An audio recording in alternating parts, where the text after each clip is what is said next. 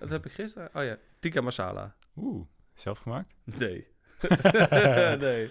Wat had je gedaan? Afhaal of? Nee, ik eh, woon eh, sinds een paar maanden even bij mijn ouders. Oh ja, dat is. Dus ja. ja. ja, ik heb een moeder die kookt.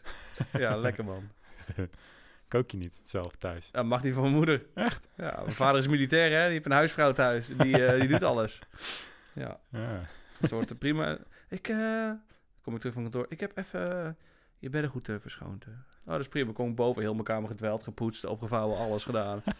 Lekker man, keurig. ja, verder ben ik bijna 30 en komt het goed hoor. Maar... ik, ik wou net zeggen, kan je al wel je eigen kont afvegen? Ja, nou, dat moet net lukken. ja, ze doen het met alle liefde. Ik, vraag, ik, hoef er ook niet voor te, ik hoef er ook niet om te vragen. Ja. Staat mijn wekker om 8 uur, 10 voor 8. Klop, klop, klop. Ik heb een eh, ontbijtje voor je. Kom ze naar boven, pannenkoeken. Ja, echt bizar. Ja, het is echt bizar. Is er nog een kamer vrij? Ja, Chill. ja, je mag erin, jongen. Kom maar. Nou ja, eh, niet voor permanent, want ik heb best wel chill huis zelf, maar ik wil wel gewoon af en toe even Af en toe logeren. gewoon even ontbijten, 's morgens goed. logeren. Even, ja, mag hoor. Voor Nou, mij mag het. Nou, goed idee. Oké. Eh, tot zover dus eh ontbijt bij jou. Ik slinger even de nieuwe intro-tune aan. Kijk. Hij is nieuw. Hij is nieuw. hij is vers. Ben ik de eerste? Nee, we hebben hem eigenlijk al... kijk, je kunt natuurlijk allemaal dingen erin mixen. Dus we hebben... Oh ja. Vorige week heeft eh, Robin hem er al eh inge, ingemixt. Robin is de producer. Zeker. Jij bent toch helemaal niet de producer, of wel? Jij bent zelf ook muzikant, toch, in de band? Dan kun je wel producer zijn, toch? Ja, dat is ook weer zo. Ja, dat, ja, dat klopt. Ja. Ja. hij, hij, hij is zeg maar het verlengstuk van mijn onkunde. Want eh, ja, alleen dan... Nee, dat is niet... Dat is Het verlengstuk van, Ja. zijn, van jouw onkunde. Maar dan de positieve... Maar dan een soort van de positieve... ja, ja, ja. Dus het, zeg- Hij is jouw wederhelft. Ja, ja, zeg maar, hij vult op technisch gebied aan waar mijn onkunde... Grenst. Ik snap wat je bedoelt, alleen hoe verwoord je dit? Ja, dat. Ja, gaat lekker dit, hè? Ik zit ondertussen ook met mijn vinger in de kauwgom, voel ik. dat is zo lekker. ja, dus mint. Ja, lekker man. Neem er een hapje van. Nee, ik heb net gegeten, is goed.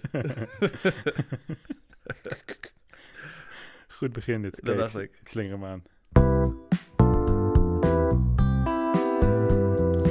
Welkom bij weer een nieuwe aflevering van Zaaien en Oosten, waarin Milan Roerdink voor uw plezier achter de geheimen van de Apeldoornse muziekscene probeert te komen.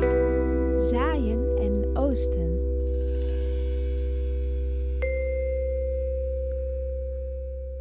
Kijk, mooie, mooie intro-tune, toch? Hij is geweldig. Is gemaakt door Wessel eh, van Manen. En eh, tenminste, dat is op de stem die je hoort. En eh, Robin, ik denk dat... Tenminste, kijk gewoon even naar hem. Hij heeft denk ik de, de, de muziek verzorgd. Kijk. Hij nou, knikt ja, dus dat ja. zal al wel. Dat is mooi. Thanks daarvoor, jongens. En eh luisteren, welkom bij de nieuwe aflevering van de Zaai en Oosten podcast. Ehm, vandaag heb ik weer een, een nieuwe gast en, en, dat is, en dat is Stuart Bos. Hij is singer-songwriter, hij is, zingt, want dat doe je als zing- zinger. Uiteraard. songwriter, eh, gitarist. dus- Songwriter doe je ook. ja, songwriter. En eh, je verzorgt eh, banen voor mensen, toch? Ik, ja, dat klopt. Ja, ja. Ik, zie, ik zie dat je dingen doet bij Randstad. Ja. Ja. verwacht ik dat je banen... Ja. Ja, ja ik, ik verzorg, ik, ik zorg dat mensen aan de baan komen. Maar ik zorg ook dat de werkgevers aan personeel komt. En dat, dat is eigenlijk bijna hetzelfde, alleen vanuit een ander oogpunt. Ja, Dus- precies. Dus ik, ik ontlast, zeg maar, eh, de lasten van een werkgever. Hè, dat ze gewoon makkelijker aan personeel komen. Ja. Maar op het moment dat mensen op zoek zijn naar een baan, dan kan ik ze er ook aan helpen. Ja, precies. En dat gaat alle kanten op, I guess. Dat gaat echt alle kanten op. Ja. Ja. Oké, nou uh, ja, misschien straks er nog wel iets meer over, maar uh, leuk dat je bent. Um, en um, we hebben, nou, dus gewoonlijk drie nummers weer waar we naar gaan luisteren. Um, die jij, in dit geval, die jij mee heeft genomen. Ehm, die, nou, waar je iets over kan vertellen, omdat het ja. een, een belangrijke muzikale herinnering is of wat dan ook. Ehm, maar ik wil eigenlijk eerst teruggaan naar je allereerste moment dat jij met muziek, dus van je eerste bewuste moment dat je met muziek in aanraking kwam. Kun je dat nog herinneren en wanneer dat was? Um, het allereerste moment kan ik me niet echt meer herinneren. Ik weet wel dat ik uit, uit vanaf, vanaf begin, begins af aan eigenlijk altijd al in aanraking ben geweest met muziek. Mijn vader die speelde gitaar, Mhm. uh, die zong ook een beetje, mijn moeder ook. En eh, ja, ik heb twee oudere zussen. Dus op het moment dat je allebei wat ouder, of alle drie eigenlijk wat langzamer wat ouder wordt, dan ga je vanzelf meeneurien en meezingen. En eh, nou ja, een gegeven moment als je in een jaar of zes, zeven bent, dan, eh, dan ben je dus met heel de familie eh, liedjes aan het maken. En dan is het allemaal kumbaya thuis. Ja, ja. En dan eh, wordt er allemaal vrolijk gezongen en muziek gemaakt. Alright. Ja. En, eh, ehm, en wat waren dat voor liedjes? Nou, de nummers van mijn vader. Mijn vader die zat, die, die, die, werkt in, die zit in het leger. Mhm. En ehm, die, had een, die had een huisband binnen, binnen, binnen, de, binnen het leger. En die speelde vooral veel covers van Eric Clapton. Eh, dus, dus dat werd er vooral gespeeld. Mhm. Ehm, en die zongen dan ook mee, Tears in Heaven. En eh, ja, dat, dat zijn vooral de nummers die eh, herhaaldelijk werden, werden gespeeld thuis. Oké. En, en huisband zeg je? Hoe, hoe werkt dat? Hoe moet ik me dat voor me zien? Nou ja, mijn vader die zat natuurlijk in het leger. En daar heb je ja, s'avonds laat, na de dienst, moet je jezelf toch zien te vermaken. Dus toen hadden ze een aantal muzikanten bij elkaar geraapt. En zijn ze gewoon een band begonnen. En bij evenementen van het leger eh, gingen ze optreden. En eh, nou ja, dat werd af en toe ook bij ons thuis geoefend. Maar af en toe konden wij ook eh, naar de kazerne toe om, om een optreden bij te wonen. Oké, ja, dat was mijn vraag. Dat van daarna van, kon je daar ook wel zelf bij zijn? Ja. Ja, Ja, ik was, wel, ik was wel wat jonger hoor toen. Maar dat zijn wel de, een van de eerste momenten dat ik, dat ik de muziek mee heb gekregen vanuit huis. Vet. En, en je moeder, wat luistert die? mijn moeder, ja, durf ik eigenlijk niet te zeggen. Ehm, die zong gewoon mee. En, en nu af en toe, als er een eh, televisieprogramma aanstaat en ik hoor een nummer waarvan ik denk van zo, dat is echt lang geleden, dan zingt zij hem vrolijk mee. Mhm. Dus ehm, ik durf niet per se te zeggen wa- wat zij echt luistert. En ze vindt mijn muziek vindt ze vooral heel erg leuk. Dat weet ik wel. een trotsmoeder. nou, dat is in ieder geval mooi. ja. Oh ja, met dat je dit zegt, bedenk me dat ik eigenlijk altijd, wanneer eh, ik iemand heb die zelf ook muziek maakt, dat ik dan en liedjes ervan heeft op Spotify staan, dat ik dan ook dat liedje luister van diegene. Ehm, dat heb ik nu niet voorbereid, maar dat kunnen we zo even, even aanslingeren. Prima. Eh, dan hebben we ook een beetje een idee van eh, eh, nou wat jouw muziek, hoe dat klinkt. Ja. Maar dat doen we straks wel even. Ja. Ehm, eh, Oké, dus, je, ja, dus je zegt je moeder die heeft wel dat niet echt specifiek, of heeft, die heeft niet echt een hele specifieke smaak of zo qua muziek. Nou, die, ze, ze zal, zal, ze zal geheid een eh, specifieke smaak hebben. Ik, ik weet hem alleen niet. Nee. nee. Ja, Nee. daar ben ik heel eerlijk in. Je weet wel dat ze goed kan koken inmiddels. Ik weet al dat ze goed kan koken. En dat er echt, er is geen betere moeder. Niet omdat ze kan koken, maar er is geen betere moeder dan mijn moeder. Ja, Als ze luistert, dan eh, is ze nu al... eh, ze is nu heel trots. Ja, Ja, ja, dat ja. denk ik ook. Mooi. Hey, en ehm, ehm, wanneer was dan het moment daar dat je dacht van... ik ga nu, ik begin met, eh, met muziek maken?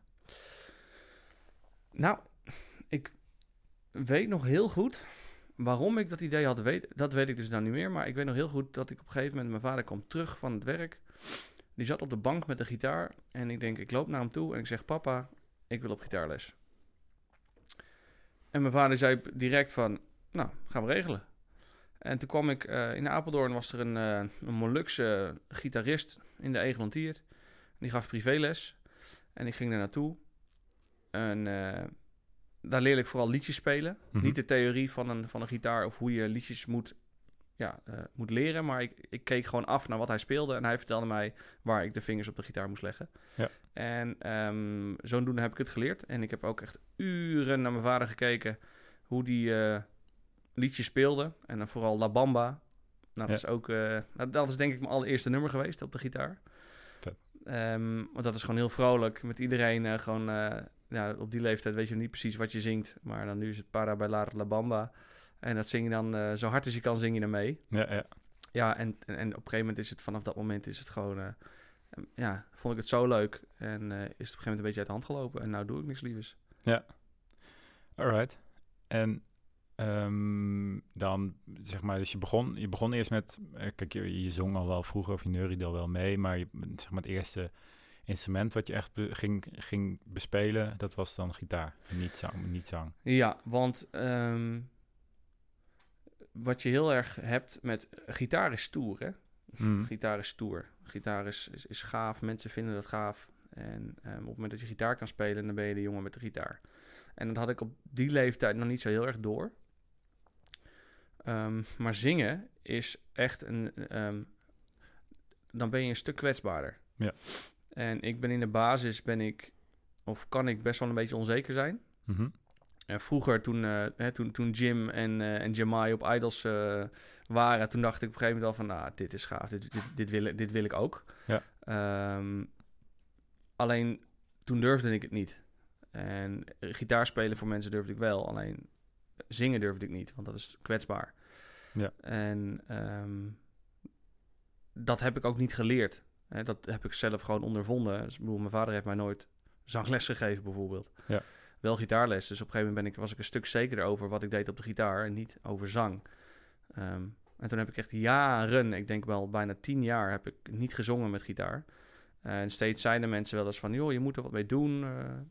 alleen zei ik altijd van, nee, dat, dat doe ik niet, omdat ik het eigenlijk niet durfde. Ja. Ik wilde het wel, maar ik durfde het niet.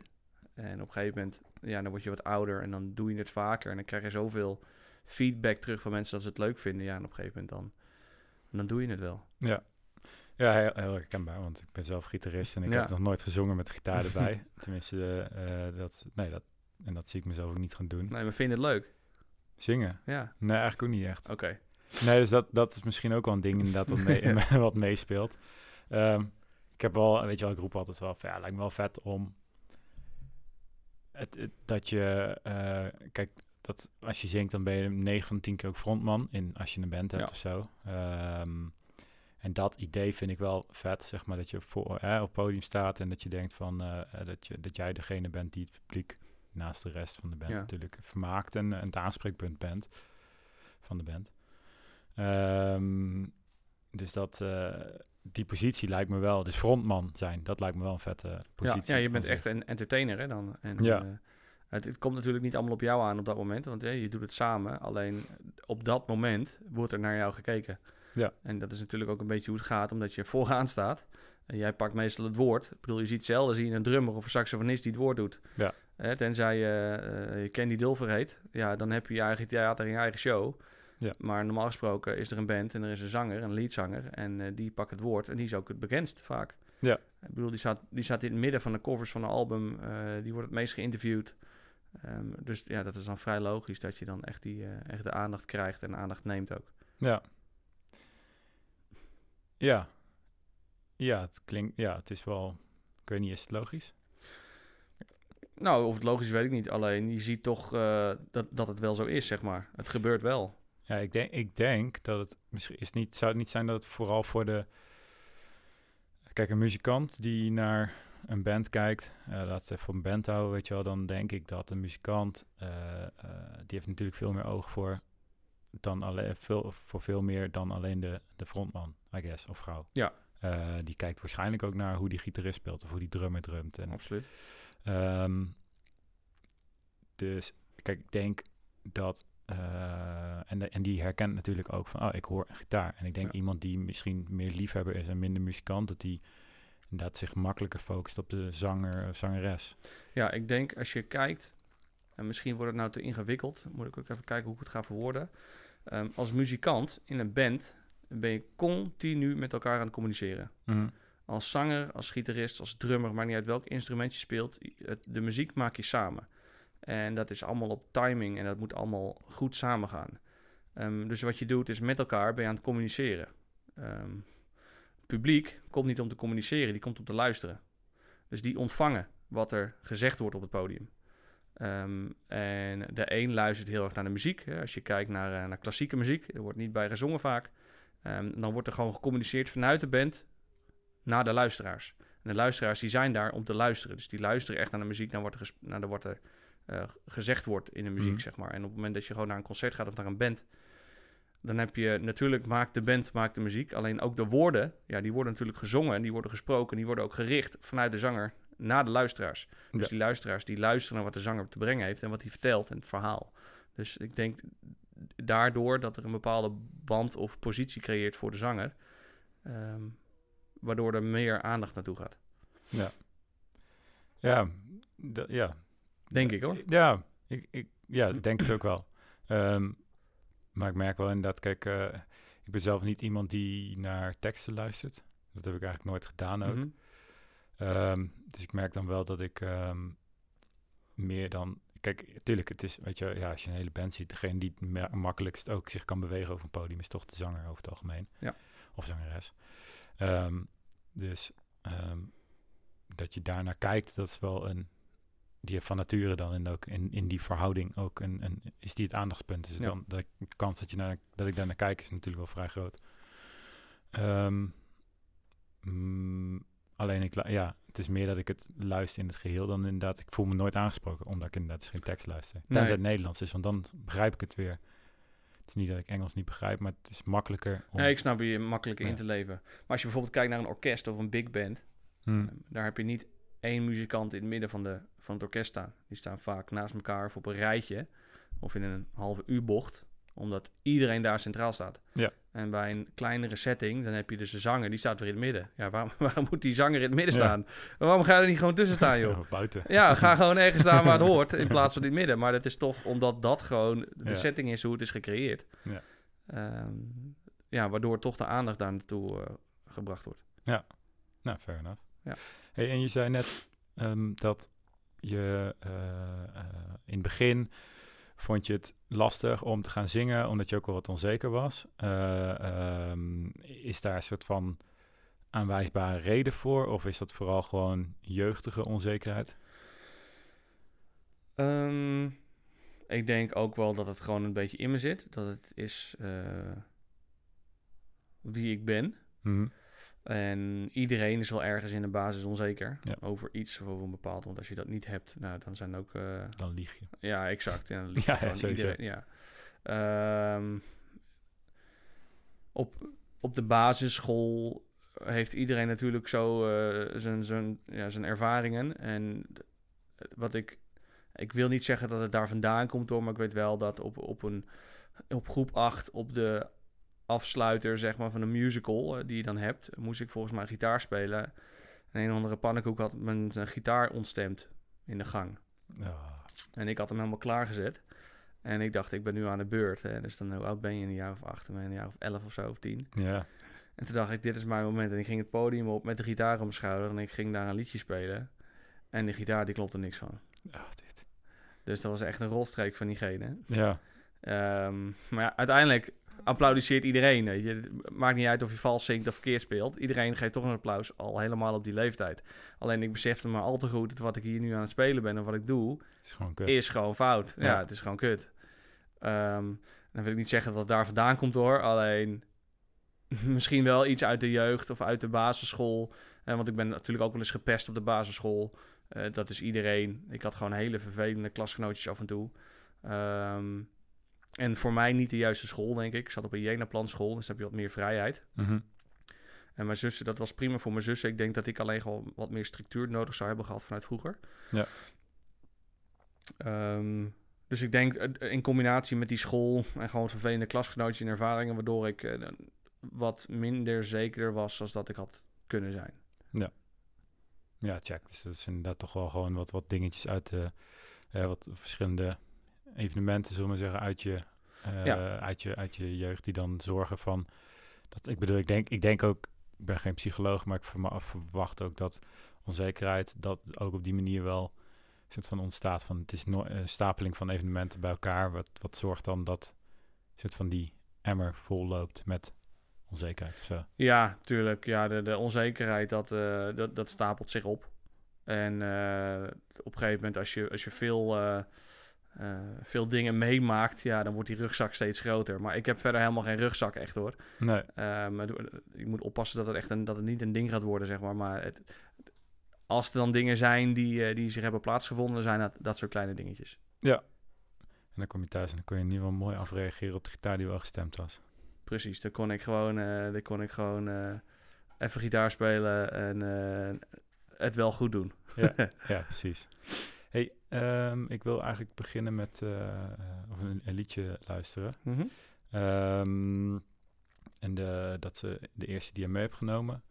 Ehm, eh, ja, je zei net al, Eric Clapton is, Ja. is een ding geweest. Ja. Nou, dan is het ook niet heel ontoevallig dat je daar een liedje van hebt Oh, meegenomen. nou, het is toevallig zeg. Dus laten we die eens even luisteren. Yes. Leda en Sally.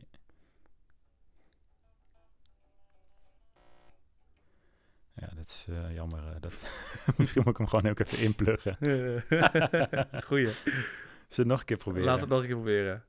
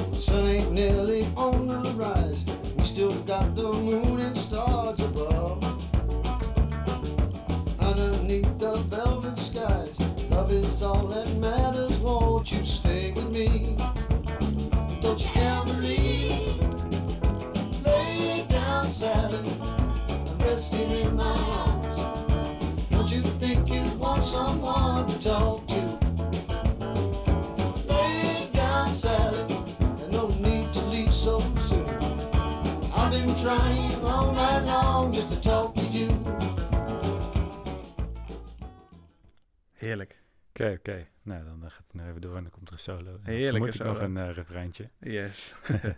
Ehm, ja, ik, ik luister nooit het hele liedje. ehm, omdat soms ook gewoon nummers meegenomen worden van 10 minuten. En dan, eh, ja, dat geloof ik graag. Dus ik lu- luister even een stukje, maar eh, ik heb alles in de Zaaien en Oosten playlist op Spotify. Daar kunnen mensen het terugluisteren als ze dat graag willen. Ehm, nou ja, je hebt er straks al een stukje over verteld. Was het gitaar of meer zang wat jou in dit nummer aansprak? Of was meer com- of combinatie? Nou, de reden waarom ik dit nummer heb uitgekozen is eigenlijk met het volgende. Wij gingen vroeger eh, met heel de familie eh, elk jaar naar Spanje. En als er een nummer was dat gedraaid werd, was het dit nummer. En ehm, op, op een gegeven moment dan zit je in de auto. Mama heeft broodjes gemaakt, boerenomelet. Wij worden ons bed uitgetrokken, 's morgens vroeg. Want je gaat vroeg rijden om de file voor te zijn. Je zit in die auto, je wordt een beetje wakker. En je vader zet een liedje op een cd'tje, Lay Down Sally. begint een beetje te trommelen op de auto, op het stuur. En op een gegeven moment zitten we met z'n allen in de auto. Lay down, Sally. Zitten we met z'n allen te zingen. Ja, op, als ik dit nummer hoor, dan echt een stukje nostalgie als ik daar Ja. aan terugdenk. Ja, Ja, precies. Echt, echt die herinnering van, eh, Ja. van, van de jeugd, zeg maar. precies. Echt met de familie in de auto, met mijn zussen en mijn, en mijn vader en mijn moeder. Met z'n allen meezingen. Ja, dat is gaaf. Ja, nice. Het is wel, het is wel leuk, want dat hoor ik bij bijna iedereen die inderdaad eh, zijn eerste nummer draait. Echt, echt daarom, zeg maar. Eh, maar dan zie je wel hoe fucking bepalend het is om, om zeg maar al op vroegere leeftijd al in aanraking eh, met muziek te komen. Wat dat ook doet met je smaak. Zeker, Ja, eens. Hey, en ehm, want was dit ook de muziek die jij luisterde in die tijd? Of, eh, ehm, Nou, ik luister dus eigenlijk niet zo heel erg veel muziek. Vroeger nooit gedaan en nu ook niet zo heel erg veel. Oké, Ehm, er zijn wel momenten geweest dat ik meer muziek luisterde. En eh, toen er net, eh, toen net de mp3'tjes uitkwamen, of de Walkman, zoals het Nirvana. Ehm, alleen, vaak als ik dan op mijn kamer zat, op mijn computer, en ik had muziek aan staan, en ik had rock aan, of, of ik zat een filmpje te kijken, waar, dan kwam mijn zus binnenstormen. Zei die, zet die herrie eens uit. En dan, oh, dan zette, gingen mijn boxen gingen uit, en dan zet ik de muziek uit, zet ik het filmpje uit, en dan, nou, dan ging ik maar wat anders doen. Zij luisterde, dus, eh, hoe heet het, de Spice Girls? Nee, Ja, ja. Spice Girls volgens mij, hè? Ehm, zij luisterde dat soort muziek, dus zij konden nooit zo goed eh, tegen die rock. ja. En ehm, dus ik luisterde niet zo heel veel muziek. Als ik wat luisterde, dan was het op het moment dat mijn vader wat aan had staan. En anders, en anders maakte ik dus muziek zelf. Oké, want is dat, is dat dan ook op een gegeven moment, je noemde net Nirvana, is dat dan op een gegeven moment ook de hoek eh, waar je een beetje in ging? Dus meer die, die grungy eh, eh, Ehm, hoek? Of, of hoe, hoe, hoe was jouw gitaarspel? Nou, het begon eigenlijk... ehm, mijn vader die luisterde nog veel Eric Clapton. Die muziek werd ook veel gemaakt. En ik ging natuurlijk op een gegeven moment op gitaarles. En thuis leerde ik dan ook van mijn vader. Nou, mijn eerste nummer was eh, La Bamba. Mhm. En dat nummer heb ik ook echt tot bloedens toegespeeld. Mhm. Maar op een gegeven moment wil je toch wat meer. En dan ga je, ja, ga je oefenen en uh, barré-akkoorden spelen. Op een gegeven moment heb ik ook die solo. ehm, ehm, Johnny Be Good. Nou, dat nummer moest en zou ik leren. En we hadden alleen geen elektrische gitaar. Op een gegeven moment lag er toch ergens in een garage lag er een elektrische gitaar met snaren. En toen heb ik die gestemd en heb ik daarop gespeeld. Maar die snaren waren verroest en die, die, die fretten waren ruw.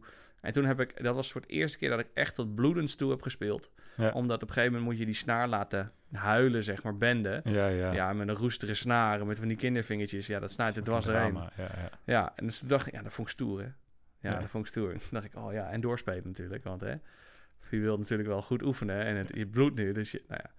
Dus ehm, toen ben ik op een gegeven moment een beetje Johnny B. Good gaan spelen, Hotel California, en toen heb ik eigenlijk heel lang de gitaar weggelegd en ben ik eigenlijk niet meer veel in aanraking gekomen met, eh, met muziek. En, en waarom was dat? Ja, er waren geen vrienden in mijn omgeving die muziek maakten. Ik zat niet meer op gitaarles, want de gitaarles was, heb ik maar een paar weken volgehouden. Mijn vader die speelde alleen sporadisch uit het werk als hij zin had. De gitaar die stond er wel, maar ik raakte hem gewoon niet meer aan. Eh, Ja. Je merkt toch, die progressie gaat langzamer. Toen was er ook nog geen YouTube die je even snel opent om even muziek te leren. Dus dan ben je echt op jezelf aangewezen. Ehm, ja, en echt uit jezelf, zonder begeleiding of zonder hulp gitaar spelen, is, is, is bijna niet te doen. Je moet Nee. echt eh, dan, hè, of met een cassettebandje terugluisteren naar wat iemand speelt. Of iemand toch die het laat zien. Of een boekje waar je Ja. mee leert. Ja, die, die, eh, die omgeving is daar wel super belangrijk in, inderdaad. Tenminste, dat, dat heb ik ook wel gemerkt. Ehm, eh, en dat zie ik nog steeds bij, bij heel veel mensen om me heen ook. Dat inderdaad, als je je kunt spiegelen aan iemand, door eh, een, een broer, een zus, een vriend, vriendin, Ja. klasgenoot, whatever de- wat dan ook. Dat, dat, hè, dat is super waardevol als je. Als diegene wat speelt, jij speelt wat. En, oh, ja, oh ja, jij kan dat spelen. Oh, dan kan ik dit spelen. En dan- Precies. Je die trek je toch een beetje aan elkaar op. En Ja. op het moment dat ik niet gemotiveerd ben, maar iemand anders in mijn omgeving wel, dan heb je toch een beetje dat diegene je meetrekt. En dat is ook andersom. Ja. Dus eh, ja, die had ik toen niet echt, die omgeving. En heb jij eh, eh, altijd in Apeldoorn gewoond? Eh, nee, ik heb vier jaar in Egypte gewoond. Oké. Dat is in eh, 2007 zijn we vertrokken. En ehm, daarvoor eigenlijk wel altijd in Nederland gewoon gewoond. Oké, ja. En, en ook in Apeldoorn of dat niet? Ook in Apeldoorn. Ja, nou, ik ben geboren in Duitsland. Omdat mijn vader daar op de kazerne zat. En, maar goed, dat is maar een jaartje geweest. Dus zijn we terug vertrokken, naar, teruggegaan naar, naar Nederland en naar Apeldoorn. Dus je hebt eh, eh, de basisschool hier in Apeldoorn gezeten? Ja. En toen de middelbare school ook? Ja. En waar, waar heb je op gezeten? Eh eerst de Korf, de Jennepan school en Ja. toen het Edison College. Ja. Omdat ik gewoon nergens anders terecht kon. Want? Ja, nou, ik, had, ik kon niet zo goed klok kijken vroeger. Ja. Althans, mijn vader die had natuurlijk altijd gewoon een, een, een digitaal horloge. Want ja, militaire man, dus een digitaal horloge. En daar kon ik wel op klok kijken, maar analoog nooit echt geleerd. En toen zat ik op een gegeven moment in groep 8 en toen hadden we de CITO-toets. Hm. En eh, bij de CITO-toets werd geroepen van... jongens, als je nou naar de klok kijkt en je denkt van... er is geen tijd meer over... vul dan alles open vragen in die je nog hebt staan... want dan heb je misschien wel een paar goed. Als je iets niet hebt ingevuld, is het sowieso een fout. Hm. Dus toen keek ik op een gegeven moment naar de klok... en denk eh, hoe lang zit ik eigenlijk al? Volgens mij is de tijd bijna om... maar ik ben nog niet eens halverwege. Toen heb ik eerst alles ingevuld... En toen eh, dacht ik, nou weet je, dan ga ik nu rustig alle vragen lezen, lekker mijn tijd nemen en dan heb ik in elk geval alles ingevuld. Ja. Nou ja, en vervolgens eh, was de toets klaar en ik was op de helft. En toen heeft alles die ik gegokt heb, die waren bijna fout. En dan had ik een score van 508 of zo. nou ja, als je een score krijgt van tussen de 500 en de 550 en je zit op 508, nou dan, eh, dan ga je bladeren harken, denk ik. no offense. Dus Edison College was eigenlijk de enige school die me, aan, die me accepteerde. Ja. ja, dat was niet heel tactisch. Nee, Oké, ja. ja, dat is een interessante eh, tactiek. Ja, 508, onthoud het. ja. ik denk dat ik nu hetzelfde hou. Hè. Volgens mij zijn die toetsen echt, Je moet eh, mij nu ook geen CITO-toets meer laten doen. Nee, maar- zeker niet als jij moet gaan hoofdrekenen. Dan eh wordt het Nee, volgens mij een drama bij mij. Maar goed. mij niet gezien. Oké, en, eh, en, ja, en wat ik daarvan weet is dat het, Edison is niet per se, eh, zeker in die tijd was daar niet per se heel veel muziek of zo eh, op die school, toch? Het is niet echt, zeg maar, Nee. zoals op de Heemgaard of op het Christelijk Lyceum, dat je... Ze hadden niet veel muziek, maar ze hadden ook niet veel onderwijs. het was echt voor mij doen. Weet je, de leraren die er zaten, die deden oprecht hun best. hm, En er zaten een paar hele goede leraren tussen. En er zaten ook gewoon een aantal leraren bij, leraren bij die gewoon duidelijk niet met het, ja, met, met, met, met, het, met het volk om kon gaan. Nou werd het ze echt niet altijd makkelijk gemaakt. Ja. Maar eh er vloog hier, hier en daar vlogen wel eens een stoel door de, door de kamer. En als ze dan muziekles hadden, dan was het gewoon een uurtje vrij. ja, ja, precies. eh, ja, herkenbaar. Als in, niet dat ik het zelf heb meegemaakt, maar eh, wel eh, van klasgenoten. Of Ja. leeftijdsgenoten van die tijd die Ja. inderdaad op Edison zaten. Ehm, maar, en, eh, eh, en wanneer heb je dan die gitaar weer een beetje meer, wat meer opgepakt? Dat was eigenlijk ehm, voordat ik naar Egypte ging. Mhm. En dat is misschien wel een mooie aanleiding naar het tweede nummer. Mhm. Ehm, Zullen we die dan eerst gewoon even luisteren? ja, laten we doen. Dat is eh, The Reason, toch? The Reason, yes Ja. sir. Van Ru- Ruben Stank. Ja, ik. Die bandnaam nooit uit, fatsoenlijk uit kunnen spreken.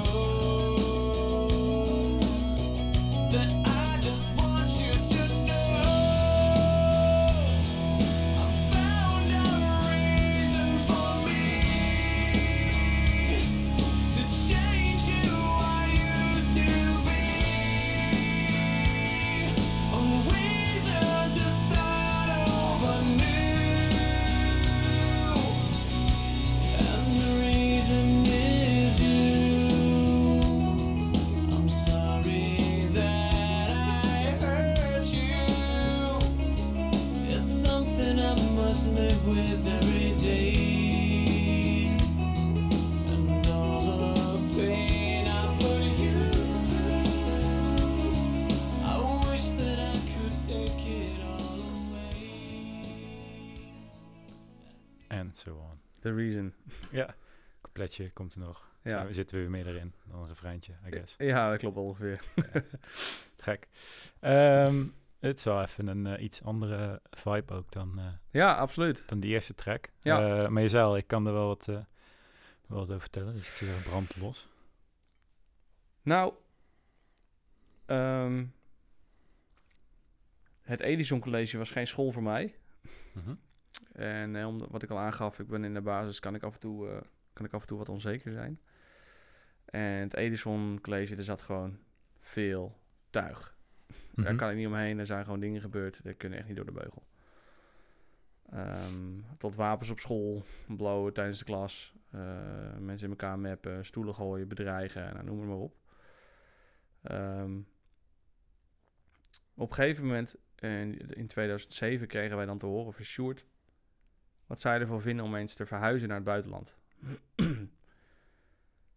ja, naar welk land? Ja, Amerika of eh, Zuidoost-Azië of eh, Lapland of Egypte of nou, wat, wat wordt het? Zuid-Afrika.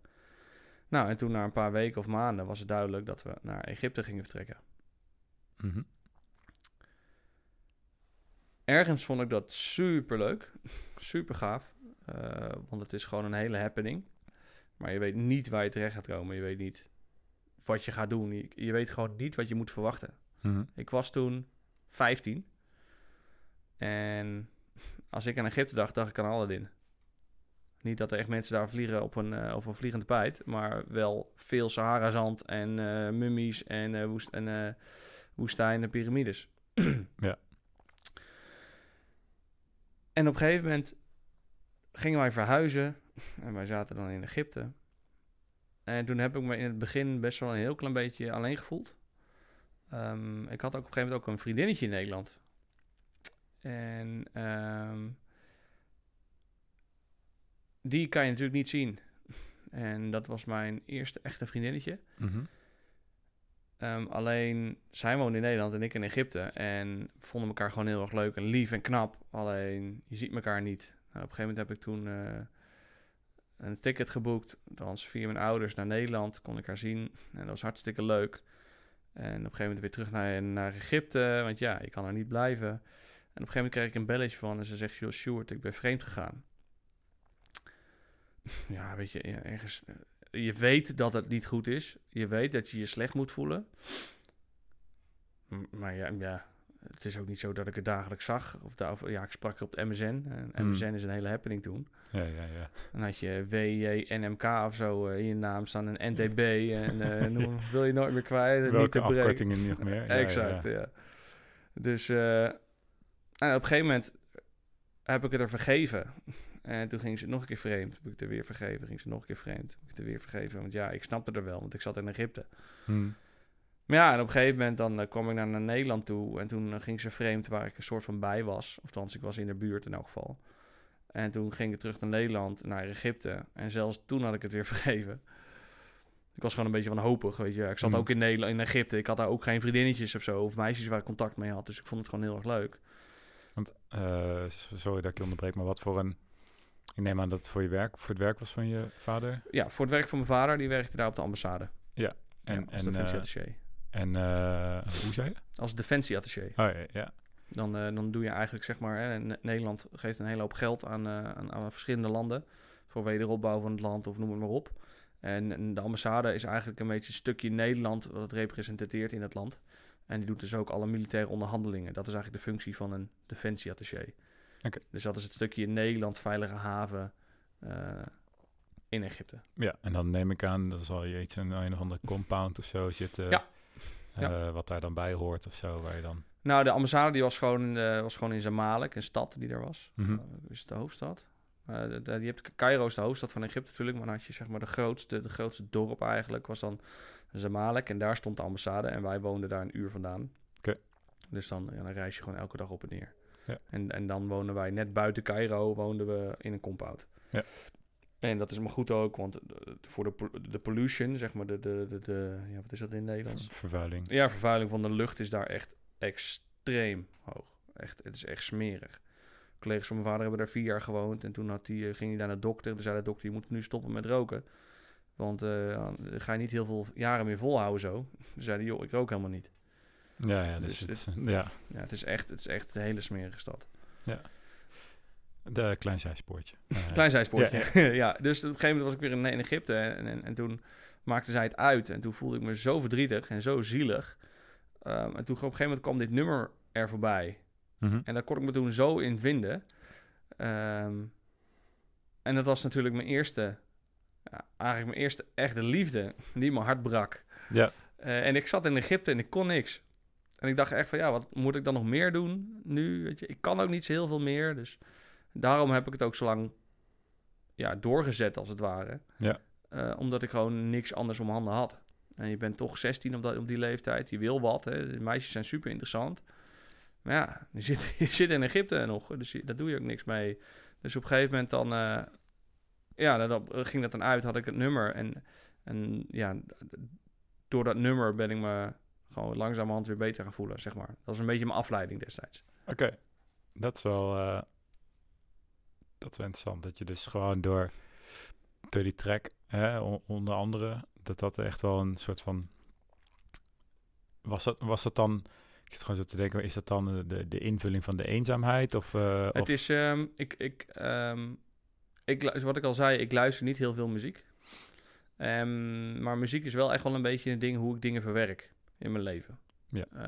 En dat was denk ik het eerste moment dat ik me besefte dat muziek echt wat met me deed. Omdat elke keer als ik dat nummer aanzette, moest ik gewoon bijna janken. En waarom dat nou precies was, wist ik eigenlijk niet zo goed. Alleen eh, dat nummer, dat, dat deed gewoon wat met me. Ja. En daardoor ehm, heeft het wel eigenlijk een, een bepaald plekje gekregen. Het is nou niet zozeer dat ik het allermooiste nummer vind of zo. Nee. Eh, het heeft gewoon alleen een bepaald plekje gekregen. precies dat... dat, dat, dat Ja, eh, dat was een goede opvulling op dat moment. dat, dat paste eh, bij dat moment, bij het, het gevoel. Ja. Ja, en check. Alright. Dat is wel een eh, interessant verhaal. Ja, Ja, zeker. ik heb niet... Ja, nice. Ja. Eh, thanks hiervoor. Ehm, en ehm, mm, mm, mm, op een gegeven moment ben je weer in Nederland teruggekomen. Ja. Ehm, dan was je dus een jaar of 18, 19, 20? 20. Ja, vier jaar groot. Speelde je toen alweer gitaar? Of, Nou, ik had dus... toen ik in Egypte kwam... ehm, toen heb ik dus eigenlijk heel veel jaren de gitaar gewoon in de hoek laten staan. hm, En op een gegeven moment zat ik dus in Egypte op een internationale school. En daar hadden we ook muziekles. En er was een Rus, een hele dikke man. Die kon moeilijk lopen. En die had een lamme poot. Maar daar leunde zijn gitaar altijd op. En hij kon... Toen op die leeftijd heb, ik- heb ik nog nooit zo'n goede gitaar eh, gehad. Of eigenlijk überhaupt nog nooit zo'n goede gitaarspeler gezien op die leeftijd. Toen dacht ik, ja gaaf, dit, dit wil ik ook. Dit wil ik ook kunnen. En toen had ik van hem gitaarles. En toen ik schoot echt de lucht in qua mijn gitaarskills, zeg maar. Ja. Toen dacht ik, wauw, dit, is, dit gaat goed, dit gaat lekker. En toen stopte die vent ermee. Toen ging hij terug naar Rusland. Toen kreeg ik een andere Egyptenaar. Ja, en die kon ook wel spelen, maar die kon gewoon niet zo goed lesgeven. En toen, ja, daar baal ik zo van. En toen ben ik het wel gewoon gaan oppakken en gaan oefenen thuis. Ja. Ehm, en steeds gaan uitbreiden. Alleen, ik merkte gewoon dat ik bleef hangen. Nou ja, op een gegeven moment, hè, YouTube was er toen gelukkig echt al wel. Dus dan met YouTube erbij veel gespeeld, veel geoefend. En toen hadden we ook op een gegeven moment ehm, een schoolconcert in Egypte. Daar had gelukkig niemand aan mijn gitaarknoppen gedraaid. Dus op het, en toen ik op het podium ging, toen gingen mensen echt meezingen en een klap en een groot applaus. Toen dacht ik, wauw, dit is eh, wel grappig. En op een gegeven moment gingen we met, de, met het ambassadepersoneel en de kinderen en de kleinkinderen... gingen we dan eh, op een soort, eh, nou, ik wil niet zeggen een cruiseschip, maar dat was een boot. Gingen we een tochtje doen over de Nijl. En dan waren, zit je dus met allemaal internationale lui en je spreekt die taal allemaal niet. En sommigen zijn Spaans, sommigen zijn eh, Pools, Duits, noem het maar op. Ja. Of Egyptisch of Libanees. Alleen, ik had de gitaar mee en iedereen was aan het zingen. Ja. Dus ook al heb je die taalbarrière, muziek zorgt er echt wel voor dat mensen, ja, je, je bracht elkaar samen. ja, dat spreekt mensen, spreekt wel iedereen, zeg maar. Ja. Absoluut. En toen dacht ik van, hé, hey, verrek, dit is, dit is heel erg leuk. En zij vinden het leuk dat ik dit doe. Ja. Het is niet zo dat ik het doe van, hé, hey, kijk mij, is stoer gitaar kunnen spelen. Maar zij vinden het gewoon leuk dat we met z'n allen gewoon muziek kunnen maken. Ehm, en toen ik dus terugging naar, toen naar Nederland, ja, toen kon ik wel een aardig potje spelen. Ja. Ehm, ja, en toen ben ik gewoon langzamerhand meer muziek gaan maken. Hey, en eh, dan zit je ook op een gegeven moment natuurlijk op een moment dat je iets van een keuze gaat maken voor... Ga ik studeren, ga ik werken, wat ga ik doen met mijn leven? Ja. Ja. Ehm, en toen heb jij gekozen, tenminste ik verwacht toen gelijk in het begin, voor de marine, marine toch? Marge. Marché. Ja. Oké, iets anders. Ja. Maar, ja, ja. Eh, ehm, Waarom de Marge, is je vraag zeker. Nou ja, dat. Ja, nou ja, goed. Dat kan ik me op zich wel een ding bij voorstellen. Want je hebt natuurlijk best wel een tijd... eh, eh, ja, je vader zit in het leger. En ik snap dat het niet hetzelfde is, maar... eh, nee, maar dat had natuurlijk wel... eh, je, Geuniformeerd ja, weet je, beroep. ja, ja. het, is, het is wel papa. En ehm, iedereen zegt altijd... mijn papa is de stoerste. Ja. Mijn papa was de stoerste. Of is de stoerste. Weet je, een beetje zo'n gevoel Ja. had ik altijd bij mijn papa. Om het maar even zo te zeggen. Ehm dan moet ik zeggen, mijn vader was wel commando. De Korpscommandotroepen, dus de elite eenheid van Nederland. Dus dan mag je ook wel zeggen... Mijn papa is de stoerste, vind ik. ja, die doet dan wel eh, Eh, die kan wel wat. veel stoerdere dingen dan dat ik eh, waarsch- waarschijnlijk Eh, op dat ja. gebied in ieder geval zou doen in mijn leven. Ja, ook, ook veel stoerder dan ik hoor. Ja. Eh, alleen ik dacht van ja, dit is toch wel gaaf, hè, mijn papa. En ik moet ook eerlijk zeggen, ehm, want voordat wij, en dat is nog een heel groot onderdeel geweest van mijn leven, dat is de, de, de revolutie in Egypte. Waarom Mhm. wij vertrokken zijn uit Egypte.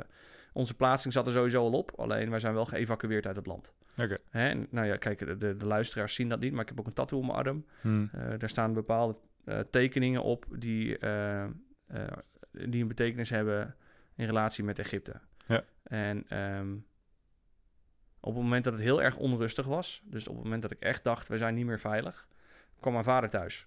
En ik was toen 20 jaar. En dus dan ben je, dan ben je geen 16 meer of Nee, dan 12. snap je echt wel wat er gaande we- is. weet je echt wel wat er gaan is. Dus dan ben je ook wel heel erg eh, bewust van wat er speelt en hoe gevaarlijk iets kan zijn. Maar dan besef je ook heel goed hoe fijn het is op het moment dat papa terugkomt. En dat, die, dat je je gewoon veilig voelt. En dan ben je twintig, ben je gewoon, ah, nou je bent, ja, ik weet niet zeggen of ik kan zeggen een volwassen vent bent, maar je bent toch wel, hè, je bent wel een wat oudere, een oudere jongen. Ja. Ehm, en heel vaak op die leeftijd voel je jezelf ook echt wel een beetje het mannetje. Ja, ja, ja. Maar op het moment dat mijn vader toen thuis kwam, op het moment dat het echt misging in Egypte, toen voelde ik van, van oké, dit is wel echt eh, papa. En het is een, een beter voorbeeld van een vader kan ik me niet wensen. Ja, iemand Omdat- die voor jou, voor jou, je zussen, je moeder zorgt. Hij is daar. Ja. En dat is gewoon een heel stukje veilig gebied. ehm, waar ik gewoon heel erg gezegend mee ben. En natuurlijk ook mijn moeder. hè. Ik bedoel, dus Ja, niet, ja. niet mijn moeder vergeten. Maar alleen als we het nu over mijn vader hebben, zeg maar. ehm, er kwam wel iets thuis. En daardoor meteen voel je je veilig. Ja. En ehm, dat wilde ik ook voor mijn kinderen. En stoere verhalen. Stoere verhalen. En ja, als jij in Egypte loopt met een uniform, dan eh, springen de mensen om je heen nog net niet in houding. Dan Mhm. groeten ze je nog net niet. eh, eh, eh, of, of dan, eh, dan, ja, eigenlijk wat er gebeurt als je in, in Egypte in een uniform loopt, dan, eh, dan krijg je alles voor elkaar. Ja. En dat was toen ook het geval. Ehm, en dat had natuurlijk wel een bepaald beeld geschetst, waarvan ik dacht van dit is stoer. Ja. En toen kwam ik in Nederland en toen dacht ik, nou, ik... Kom van de koude kermis thuis. En Ja, ik mooi. een rotte appel mee overgegooid. Ja, precies. Ja, nou, sterker nog, dan lig je in het bos. eh, met je tenen in het water, heel de nacht, eh bevroren tenen. Nou, dan denk je wel nog een keer na van, oké, is, dit, is, is dit wel wat ik wil? Ja. ik, wil ik, ik kan vast ook op een andere manier een hele goede papa zijn. Dus, eh, dus eh, toen dacht ik, en dat was echt de vooropleiding tot het leger. En toen twijfelde ik nog naar de politie. En dat vond ik te veel schrijfwerk. Even heel stom gezegd toen. Te veel Mhm. administratie. Toen dacht ik, waarom dan niet politie, leger? Waarom niet gewoon militaire politie? En toen ging ik naar de Marge. Oké, dat is nice. Dus verhaalde je, hiermee verhaalde je gelijk inderdaad wat marché is. Want ik heb eigenlijk geen idee. Nee, nee, dat is de militaire politie. Dus eh politie die, eh, die, is, die is er voor de burgers. eh, en eh, de marge is er eigenlijk de militaire politie. De politie, even een heel makkelijke taal, is de militaire politie. Dus die bekeuren militairen. Politieagenten mogen militairen niet bekeuren. Check. Op het moment dat er een strafbaar feit wordt gepleegd of een overtreding. Nou, overtreding zou nog wel kunnen, maar stel er wordt een strafbaar feit gepleegd. En diegene geeft aan, joh, ik ben militair. Dan moet de marge komen om hem te bekeuren. Stel, op uitzending, er gebeurt iets. Hè, een verkrachting, of er wordt iets gestolen, of, de, of er wordt een verkeerd schot gelost. Dan is er geen politie aanwezig. Ja, Dus Daar is de dan is, marché voor. daar is de marge voor. Check. En ook voor de beveiliging van de havens en de grenzen en dergelijke. Ja, en waarom kan dat dan niet door de gewone politie gedaan worden? Zo is het onderverdeeld. De, de, de, de, de- moet ik het goed zeggen, maar de, de marge is eh, voor de. ehm, zo. Wat, er is een zinnetje, die staat in het wetboek. En ik ben hem nu gewoon vergeten.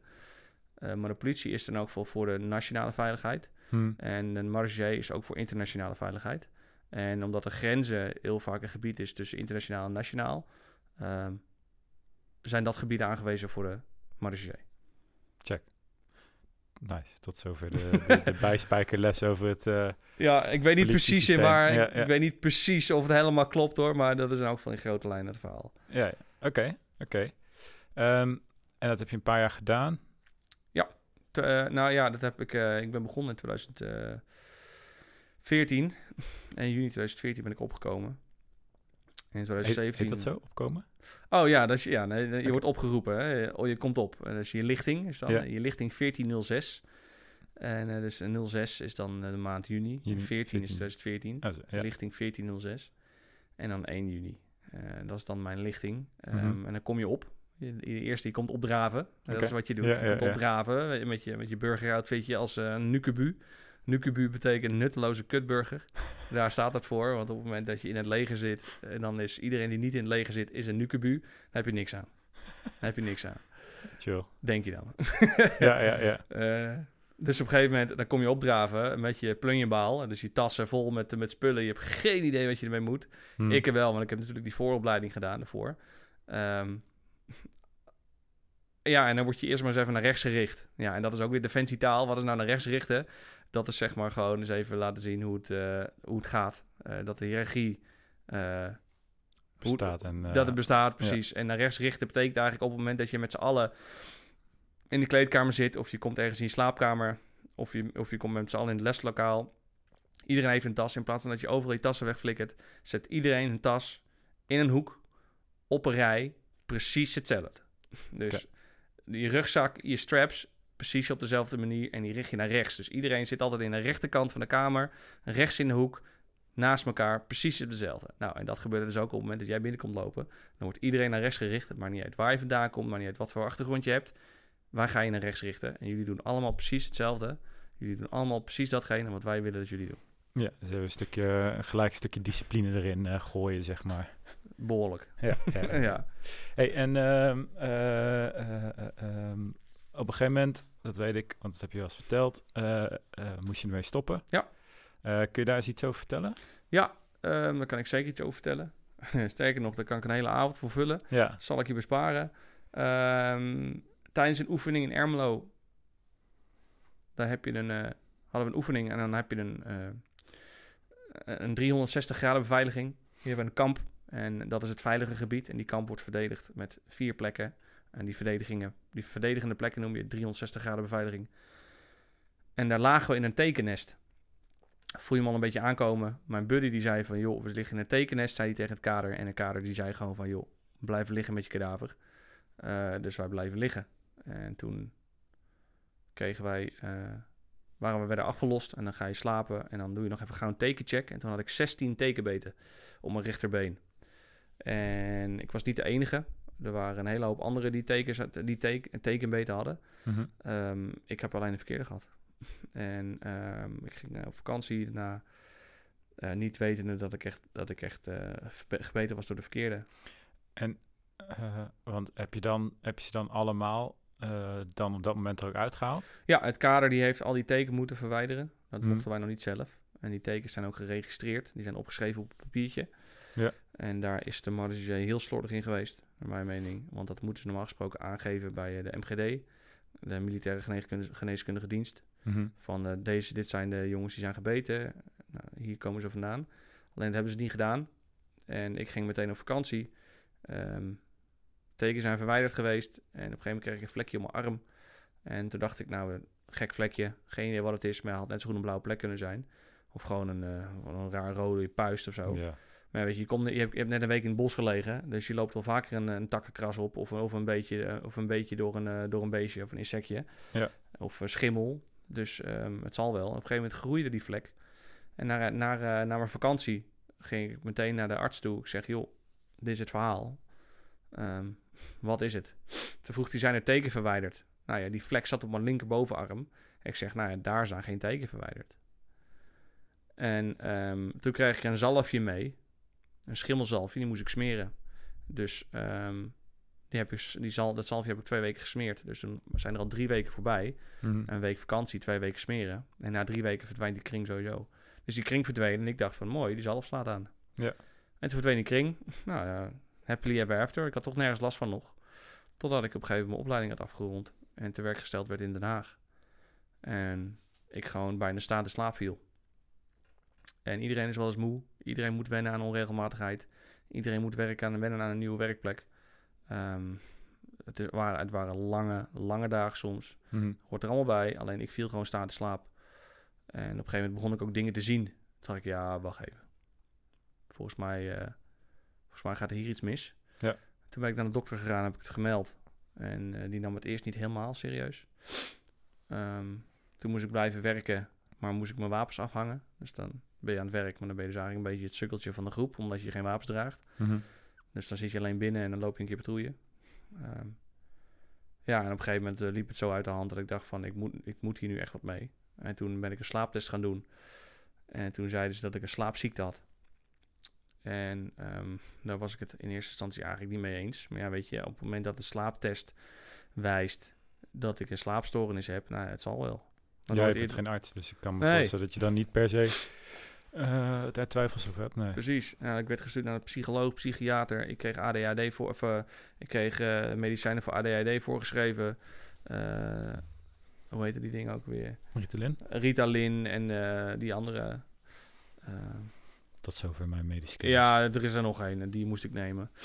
Ehm, maar ik, ik, ik, weet je, ik liet het maar gebeuren. Maar ik werd er ook niet beter. Dus Hm. dacht ik van ja jongens, iets klopt hier niet. Nou ja, en toen eh, zei mijn moeder 18 maanden later van joh, weet je nog die tekenbeet? Dus ik ja, dat weet ik wel, maar ja, weet je, mijn bloed is ondertussen zo vaak afgenomen. Ehm, wie zou er in hemelsnaam niet testen op een tekenbeet? Ja. Ik bedoel, je bent militair, je weet dat je in het bos ligt. Waarom zou je niet testen op een tekenbeet? En toen op een gegeven moment, dat was ook tijdens een tekenplaag. En op een gegeven moment ehm, stuurde mijn moeder mijn foto door die ik had gemaakt van die rode kring. Toen ben ik naar de dokter gegaan en die, eh, die geloofde me niet. Die dacht dat ik de schuld gaf aan een tekenbeet. En eh, zodat ik de defensie de schuld kon geven. En toen heb ik bloed laten prikken. En toen kwam er inderdaad positief Borrelia-infectie naar voren. Oftewel de ziekte van Lyme. Oké.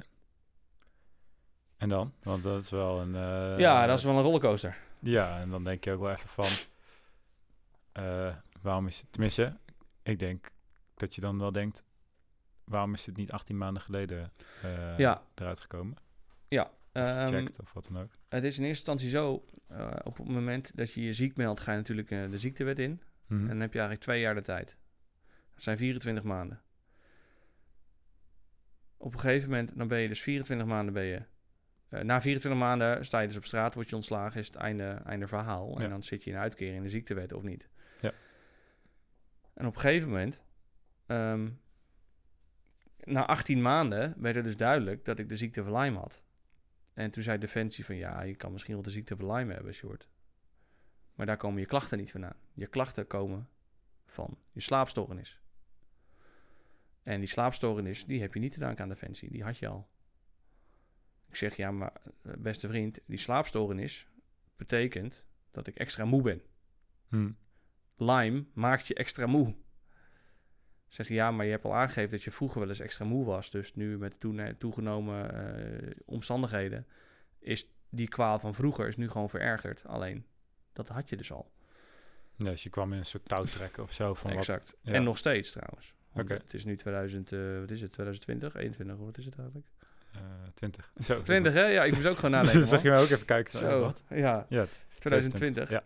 En dat was in 2017, dus ik ben nu drie jaar verder. En eh, het is nog steeds touwtrekken. Ik ben er nog steeds niet over eens. En, maar goed, weet je wat het is? Defensie heeft een heel medisch team achter zich. Juristen en eh, noem het maar op. Ja, die hebben iets meer waarschijnlijk macht daarin dan, dan dat jij eh, als eh, individu hebt. Precies, en je komt er niet zomaar tussen. En ik heb echt gesproken met heel veel mensen. Hoge pieven binnen de marge binnen het leger. Ehm, ze willen alleen niet meebewegen. En ik vraag, ik vraag alleen om een beetje erkenning. Ehm, stel nou, over 20 jaar gaan die bacteriën in mijn lijf gaan er, mee, gaan er met me vandoor.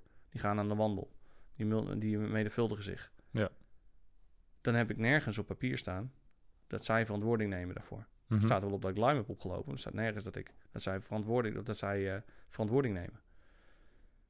En ik wil gewoon dat op het moment dat ik, ziekte, dat ik ziek word en dat ik een huis heb en kinderen achterlaat, eh, de worst case scenario, dat het dan ehm, gedekt wordt door Defensie. Ja. En dat wordt het nu gewoon niet. En ik heb in de afgelopen jaren heb ik me echt heel vervelend gevoeld. Heb, Ja, want kun, kun je daar eens iets over vertellen? Hoe, hoe werkt het dan? Want eh, eh, je, je zegt je, eh, moeheid had je al, maar wat, Ja. wat heb je dan nog meer? nou, mijn klachten, ehm, de grootste klacht was vermoeidheid. Mhm. Maar je moet je voorstellen dat je zo moe bent dat je niet meer kunt slapen. Nou, dat kan niemand zich voorstellen. Ehm, want ik had ook een, eh, door die Lyme had ik ook een eh, slaapparalyse. Ja. Ik weet niet of het je wat zegt, maar dat is dat je je niet kan bewegen. Ah, ja, slaapverlamming of... Slaapverlamming, Ja. exact. Dus dan word je wakker in je slaap. Eh, je slaapt dus nog, alleen je wordt wel wakker. En je bent gewoon verlamd, dus je kan nergens heen. Ja. Dat had ik op een gegeven moment acht keer per nacht of zo. Of tien keer per nacht. Waardoor je gewoon niet meer slaapt. Want dat is een hele beangstigende, be- beangstigende ervaring. Mhm. En het is gewoon heel vervelend. Ehm, op een gegeven moment kreeg ik een soort restless leg syndrome. Dus dat, je, dat voelt een beetje alsof de mieren onder je huid lopen. Ja. Tenzij ik mijn benen beweegde, dan was het gevoel weg. Of onder, in mijn onderarmen. Ehm, dat ging gewoon alleen niet weg. En op het moment, dan slaap je dus ook niet. Nou, en op een gegeven moment is het dus een cirkel, een visuele cirkel. Want als je niet slaapt, wordt het erger. Maar als je slaapt, word je wakker. Dus het is, het is heel vervelend. Dus je moet het gewoon steeds doen met een kleine beetje hoeveelheid slaap. En mijn ouders zaten toen nog in het buitenland en ik zat toen nog in Defensie. Ehm, ja, ik, ik kon gewoon niks. Ik kon, ik kon geen kant op. Ik was alleen en ik had toen ook nog geen vriendin. Ehm, en ik moest naar huis rijden met de auto. Nou, dat is in Den Haag-Apeldoorn. Dat is anderhalf uur rijden. Viel ik in slaap achter, de, achter het stuur. Werd ik wakker in een berm. Allemaal dat soort onzin. Ehm, je kan gewoon niks. Ja. En dan ben je blij met je ziektewet. En dan probeer je er wat van te maken. Ehm, alleen, je bent gewoon heel erg beperkt. En op een gegeven moment begon ik dingen te zien. Eh, dat er mensen liepen in het bos die er niet waren. Ik werd super emotioneel. Echt, ik heb nog nooit zoveel gejankt. Ehm, en ik wist niet eens zo goed waarom. Ja. Ik wilde niet naar werk. Nou ja, goed, ik heb wel eens vaker dat ik gewoon niet naar werk wil. Nee. In alle eerlijkheid. Eh, je- maar echt gewoon, gewoon snakken naar adem. Gewoon. En mijn vriendin destijds, eh, dus dat is een andere fase geweest. Toen zei ze van, joh, Stuart, ik, ik kan je niet helpen. Ik weet niet wat ik moet doen. Ik, Mhm. ik weet het niet. Ik weet ook niet waar het vandaan komt. En ik besefte me ook van, waarom ben ik zo verdrietig? Maar dat was, dan ben je gewoon zo, zo moe. Weet je, moet je nagaan als je gewoon een week lang, als je gewoon geen nachten slaapt, maar gewoon hier en daar een uurtje. Ja, en je lichaam is gewoon aan het strijden tegen die ziekte van Lyme, tegen die bacterie. Ja, weet Ja. je, dat, dat, dat, dat, dat, dat sloopt je gewoon. En eh, hoe kom je daar dan ehm, eh, weer uit? Heb je daar medicijnen voor? Of hoe, hoe werkt dat? Ik kreeg. ehm, ik was aan het reïntegreren. Op de Brigade Apeldoorn als eh, managementassistent. En mijn managementassistenten die gingen met vakantie. Of met vakantie, met eh, zwangerschapsverlof. Babyvakantie. Babyvakantie, inderdaad. Ja. En, ehm, en ik, eh, ik, ik werd gebeld toen ik naast haar zat. met de uitslag van de tekenbeet. En dat ik dus de ziekte van Lyme had. En dat ik direct moest komen om, om mijn antibiotica op te halen. Dus ik ging direct mijn antibiotica halen. En mijn antibiotica genomen. En ondertussen werd ik ingewerkt. Ehm, alleen als je... En je lichaam is aan het strijden tegen de ziekte van Lyme. En je lichaam is aan het strijden tegen de bijwerkingen van antibiotica. Nou ja, er is een grens. Ja. En ik probeerde toen nog wel te blijven sporten en dingen te doen, maar eh, dat ging gewoon niet. En eh, toch doe je dingen overdag. Want je wilt toch ook wel een beetje leven. Het huis werd een bende, het eten en koken werd steeds eh, vervelender. Mhm. Nou, ik was op een gegeven moment ook geen leuk vriendje meer voor mijn vriendin, dus dat ging uit. Nou ja, alles, alles viel gewoon onder me vandaan. En nou, op een gegeven moment, dat ik die antibiotica-behandeling heb gehad, was er eigenlijk geen verbetering. Toen ben ik naar een biodokter gegaan. Dat hielp ook niet. Dus op een gegeven moment dacht ik van, nou ja, weet je, het zal allemaal wel. Ehm, ik moet het er maar gewoon mee doen. En dat is eigenlijk een beetje een... Ik weet niet precies waar dat moment is geweest. Alleen er was gewoon een moment dat ik dacht van, oké, dit is gewoon hoe het nu is. Mhm. En dat is het. En Een ik, soort, een soort acceptatie of zo dan. Dat je Ja. de- dacht van oké, nu... eh, ja. de- ik moet gewoon mee leren leven of zo. Of hoe Ja. moet ik het voor me zien? Ja, nou ja, ehm, ik heb een eigen nummer gemaakt waar je het in het begin over heb gehad. Dat nummer Mhm. staat op Spotify. Dat, heb ik, dat is de periode dat ik het eerste couplet van dat nummer heb geschreven. En wat ik al aangaf, muziek eh, doet echt wat voor mij, zeg maar. En daar verwerk ik dingen echt mee. Dus dan heb ik het gewoon mijn gevoel van me afgeschreven. Ehm, mijn eerste zin van mijn eigen nummer, dat is... eh, ik weet dat ik leef, maar ik voel het niet. Mhm. En dat is natuurlijk een hele zware zin, hè? Alsof voor iemand die er een einde aan wil maken, zeg maar. Ja. Alleen, ik, ik voelde gewoon, ik weet wel van mezelf, van ik ben er wel en zo. Het is goed, maar ik, ik, ik voel de waarde van het leven, voel ik niet. Omdat gewoon, ik kon gewoon niet meer genieten van de leuke dingen of van de kleine dingen. Ja. En toen ben ik, omdat je thuis zit, ben ik gewoon heel veel muziek gaan maken. En toen besefte ik me van, wacht even, muziek vind ik wel heel erg leuk. Ja. Dus hoezo ik weet, hoezo ik voel niet dat ik leef. Want ik maak muziek en ik kan hier echt intens van genieten. Ja. En ik was gewoon heel erg dankbaar voor mijn familie.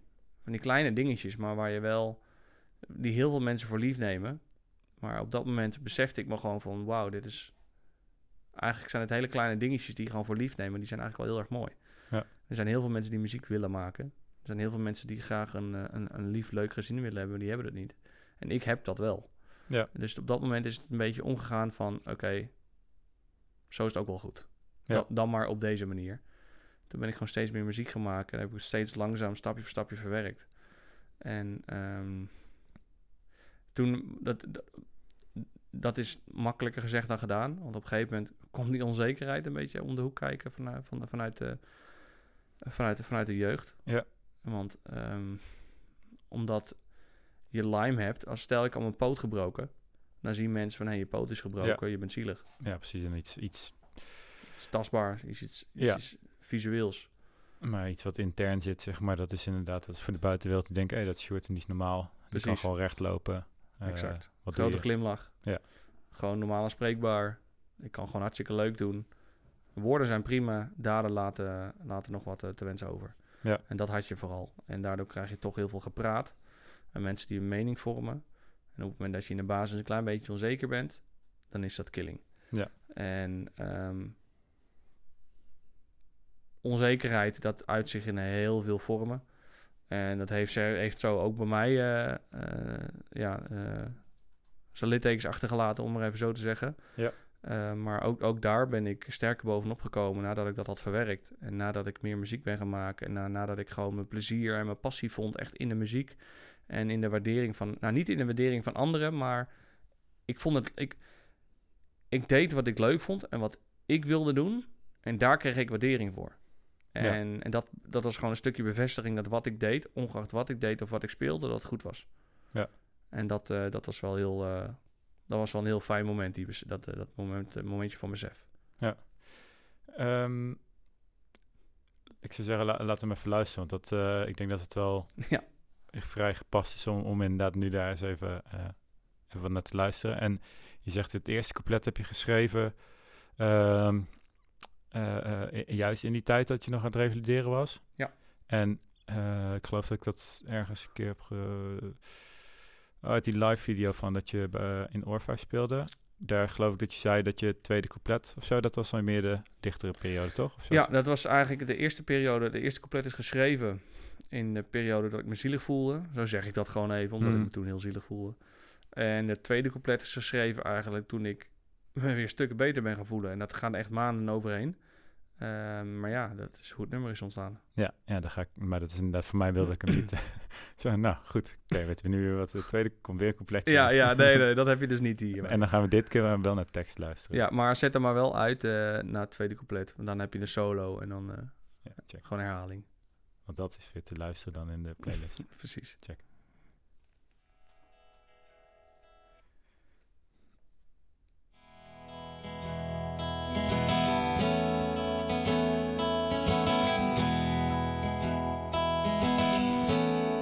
Ik weet dat ik leef, maar ik voel het niet. Ik sta stil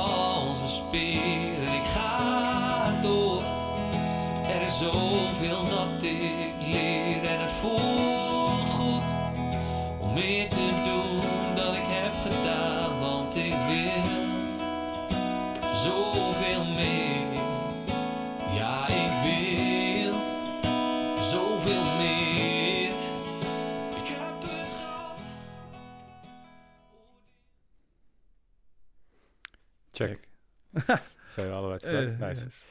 Alright, ja, dat is wel even een, eh, een iets positiever eh, einde inderdaad, Ja. eh, wat dat betreft. Ehm, eh, en, en daar, dat spreekt wel van een hoopvol, nou ja, hoopvolle toekomst, zullen Ja. maar zeggen. Of in ieder geval dat je daar op zoek naar weer bent. Ja. Ehm, hey, als we nou, eh, ehm, nou ja, even vanuit gaan, het gaat nu goed, beter? Of hoe, ja, hoe, Ik heb me nooit zo goed gevoeld. Oké, nou, Ja. dat, dat is gek. En Ja. eh, zeg maar, is dat, ho- hoe moet ik dat voor me zien? Is dat iets, zeg maar, dat Lime, is dat iets wat weg is, weggaat? Ik heb geen idee. Eh, geen iedereen heeft een andere mening. En ehm, ik, eh, I don't want to get my hopes up dat het helemaal weggaat. Mhm. Want als dat niet gaat, dan voel ik me alleen maar vervelend. Ehm, dus weet je, ik zie het wel. Ik ben nu gewoon gelukkig. Ik ben blij. Ik kan alles doen wat ik wil. En natuurlijk moet ik hier en daar rekening houden met dingen. Maar ja, als dat, als dat het enige is. Ja, dus eh, je kunt in ieder geval weer voor 90%, 95% hoor. functioneren. Ja. ja. Te gek. Hey, ehm, muziek. Want eh, daar, eh, nou ja, daar hebben we het even, al even niet meer over gehad, maar dat, dat is juist, Ja. dat is goed. Eh, daarvoor zitten we hier ook, want ik vind juist ook, dit soort dingen vind ik heel interessant om te weten. Ehm, en ik hoop de luisteraar ook. Eh, en anders dan, eh, dan niet. Maar Ja, dan eh, dat vind kan. ik het in ieder geval leuk. Ja. nee. nee, maar ehm, eh, kijk, ik geloof heel erg, en, en, en dit is natuurlijk, dat liedje is direct gevolgd van, maar ik geloof heel erg in dat het, dat natuurlijk dit soort live events tekenen je heel erg. Ehm, en, en dat maakt ook wel iemand, waardoor iemand natuurlijk lading geeft aan, aan muziek of wat dan ook. Ehm, ik zat eigenlijk te denken, ik heb deze nu een tijdje, een paar maanden geleden heb je deze uitgebracht, hè? Ja. Ehm, december, januari. In december? Ja. 19 december. Oh ja, dat was tijdens het optreden eh, dat je als gastartiest bij Alleen Clark Yes. ja. zat, toch? Ja. Ja. Een Orpheus. Eh super vet. En, Super vet. ja. dat was best wel groot zaal volgens mij. was uitverkocht. Ja. Was wel, ik was wel heel zenuwachtig. Ja, dat was ook wat te zien op het film. Ja. Ik heb laatst ook het filmpje voorbij zien komen nog een keer. Ehm, ja, dat, eh, Ja. was wel heel gaaf hoor. ja. Ja, en eh, ja, weet je, kijk, en mis- en misschien is dat dan wel weer een beetje die onzekerheid. Eh, maakt niet uit hoe vaak ik heb opgetreden, maakt niet uit waar ik sta. De eerste keer vind ik altijd spannend. De eerste paar minuten, het eerste half uurtje, jongen, ik, echt, ik trek het bijna niet. Ik durf niet eens een soundchecken bij sommige optredens. Hm. En, en, dat is niet de, de, zeg maar, ik bedoel, ik, ik, ik herken ook wel dat als ik het podium op ga, dat ik even moet wennen aan het, en zeker als het echt een eh, hele vette gig is, dat je denkt van, oké, ik moet even wennen aan het feit dat, ehm, weet ik veel, dat je op het podium staat, het publiek voor je neus staat. eh, Nou ja, weet je, ehm, ja, je wil het natuurlijk gewoon goed doen. Ja, dus ik ben best wel ergens een beetje perfectionistisch in sommige gevallen. Ehm, ik kan overal mijn gitaar meenemen. En als mensen vragen, joh, wil je een liedje spelen? Dan speel ik. Geen probleem. Maakt niet uit hoeveel man er zijn. Maar op het moment dat ik weet dat er mensen komen voor mij... of dat er wat verwacht wordt... dan eh, klap ik dicht. Dan, eh, dan slaat mijn hartslag naar 150. En eh, dan moet ik het maar mee, mee zien te doen. Op het moment dat ik dan eenmaal aan, eh, eh, aan het gitaarspelen ben... en ik heb wat gezongen en ik zit er lekker in... joh, geen probleem. Dan, dan speel ik alles wat ik wil. Ja, dat vind, ik, dat vind ik wel gek inderdaad. Als ik dan eh, dat filmpje ook zag, volgens mij had je hem op Instagram staan.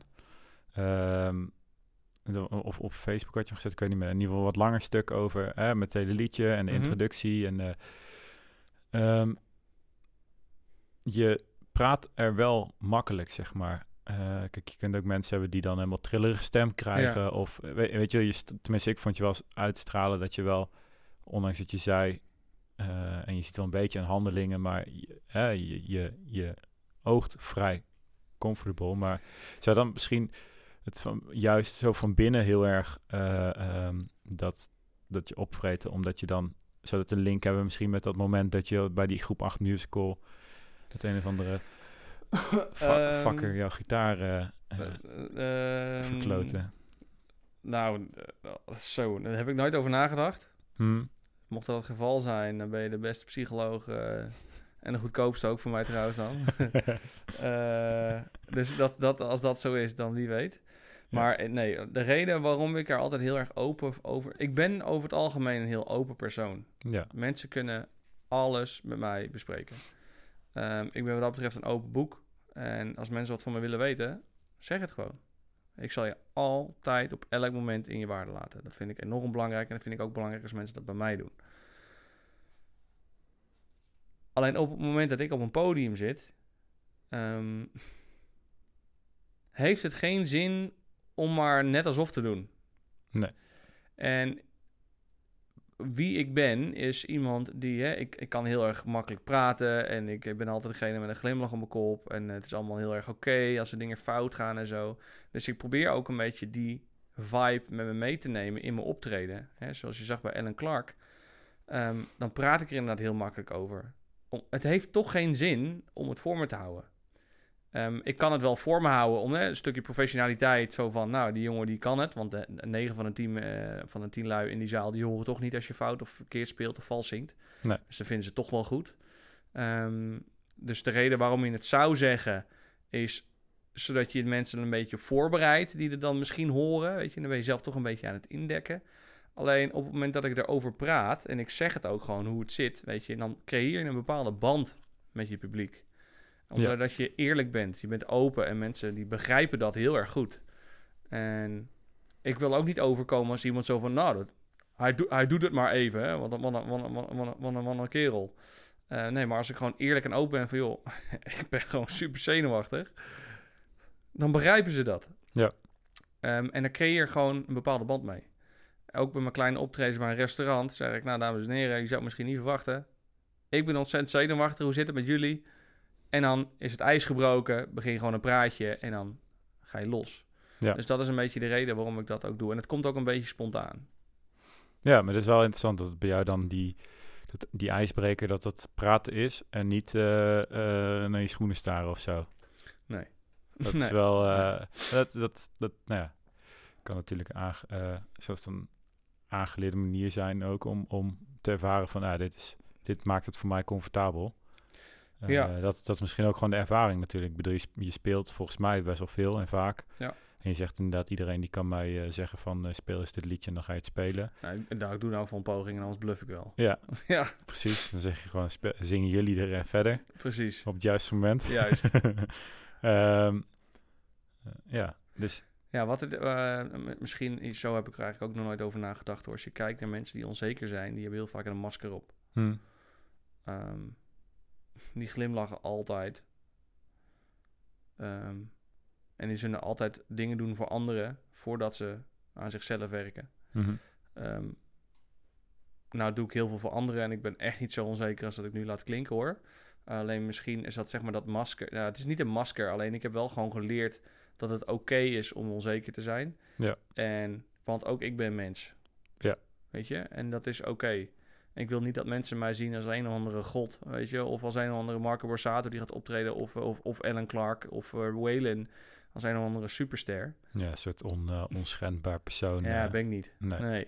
Nee, ik ben gewoon uh, Sjoerd. Ik kom gewoon uit Apeldoorn. Ik ben 9, 28 jaar. En ik maak Ja. gewoon liedjes. Ja. En kijk, mocht ik ooit een keer wel doorbreken, zoals ze het zo mooi noemen. En ik ben wel een keer een hele, hele grote artiest. Weet je, dan zal dat niet veranderen, denk Ja. ik. Dan zal ik gewoon altijd die gozer zijn die gewoon lekker kletst en praat in zijn optreden. En gewoon, ja, gewoon normaal in zijn zichzelf blijft. Ja. Denk ik. Je weet niet wat het doet, hè? Sterrenluren, je weet het niet. Kunnen zeggen. Gaan we wel eens zien. eh. Mocht ik ooit een keer dat, uh, dat halen, dan kom ik nog een keertje terug hier. Heb het er even over. ja, dat is goed. Dan doen we dat. Alright. Hey, te gek. Uh, thanks so far voor je openheid. Um, mm, mm, mm. Ik wil wel een beetje richting het einde gaan, maar we hebben ook nog een liedje. Uh, maar ik dacht misschien om daarmee een soort van te eindigen. Ja. Um, dus ik wil eigenlijk nog twee dingen een beetje weten. Zo van, hey, waar ben je op dit moment met je muziek mee bezig en waar ga je naartoe? Dat zijn eigenlijk al twee dingen. Mm -hmm. En dan laatste wil ik nog eigenlijk weten, wat, wat is je verhaal rondom het laatste liedje? Ja. En ik zou zeggen, laten we beginnen, tenzij het allebei hetzelfde, over hetzelfde gaat. Maar laten we eerst even beginnen van wat is je muziek? Waar ga je naartoe? Ehm, of waar ben je nu mee bezig qua muziek? En, en waar ga je naartoe? Waar wil je naartoe? Vooral. Het heeft een eh, klein beetje met elkaar te maken. Ehm, ik ben heel erg nog aan het ontdekken, wat is mijn sound? Mhm.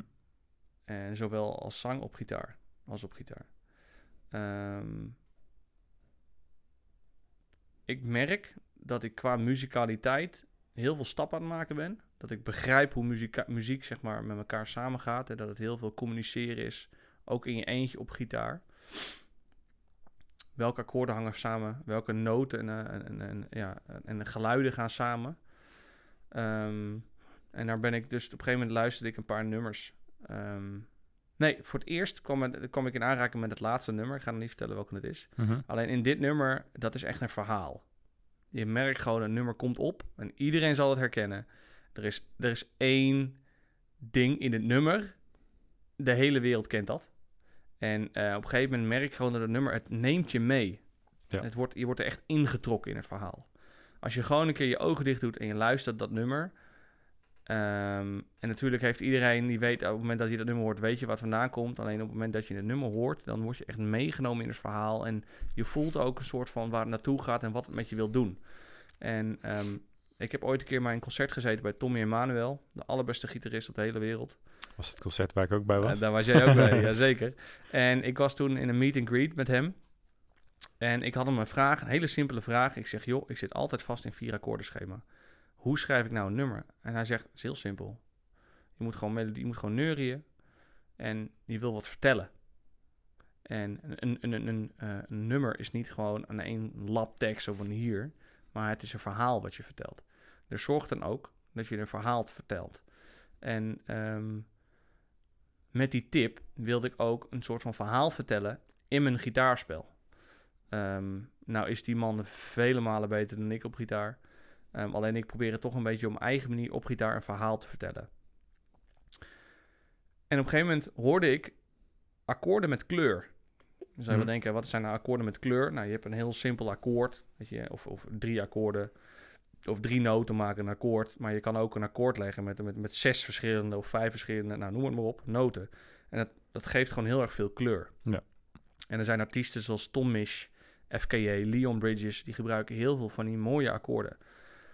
En ik hoorde dat geluid vroeger wel van, van een nummer. Alleen ik wist niet dat dat kon op gitaar.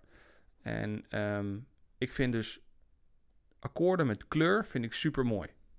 En ehm, dat zijn dus ehm, akkoorden die eigenlijk een bepaald gevoel met zich meenemen. Hm. Die, die, die ik ook wil overbrengen in tekst van mijn komende nummer, die ik nu aan het schrijven ben. Ja. Dus dan heb ik een, eh, een, een, gitaar met heel veel kleur, maar dan heb ik ook het verhaal die die kleur zeg maar een beetje omschrijft. Dus daar ben ik nu heel erg mee bezig met de van oké, welk verhaal of wat wil ik vertellen? Ik bedoel, ik heb genoeg te vertellen. Alleen, hoe pak ik het in een verhaal en dat ik mensen meeneem? En wat voor mooie gekleurde akkoorden gaan daarbij? En dit nummer, dit laatste nummer wat we zo gaan spelen, dat vind ik echt het be- beste example, voorbeeld van iemand meenemen in je verhaal. Ja. Niet zozeer de akkoorden op een gitaar, want volgens mij zit, er komt er geen, akkoord, geen gitaar in voor. Eh, maar het is wel een mooi voorbeeld met hoe, en, hoe een liedje je kan pakken. Dus eh, het is een heel ander nummer, eh, in tegenstelling tot die andere.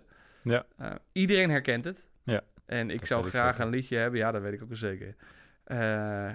Ik zou heel graag zo'n nummer willen hebben. Ja. Ja, dat zou ik heel graag willen. Kleine cliffhanger, want ik ga Kleine. toch, nog- toch even nog één ding wil ik weten. Iedereen denkt nu, oh, dat wil ik horen, man. Maar nee, we wachten nog even. Ehm, want want eh, het, het andere deel is eigenlijk meer zo van waar... eh, hè, dus je zegt, ik ben met een liedje bezig...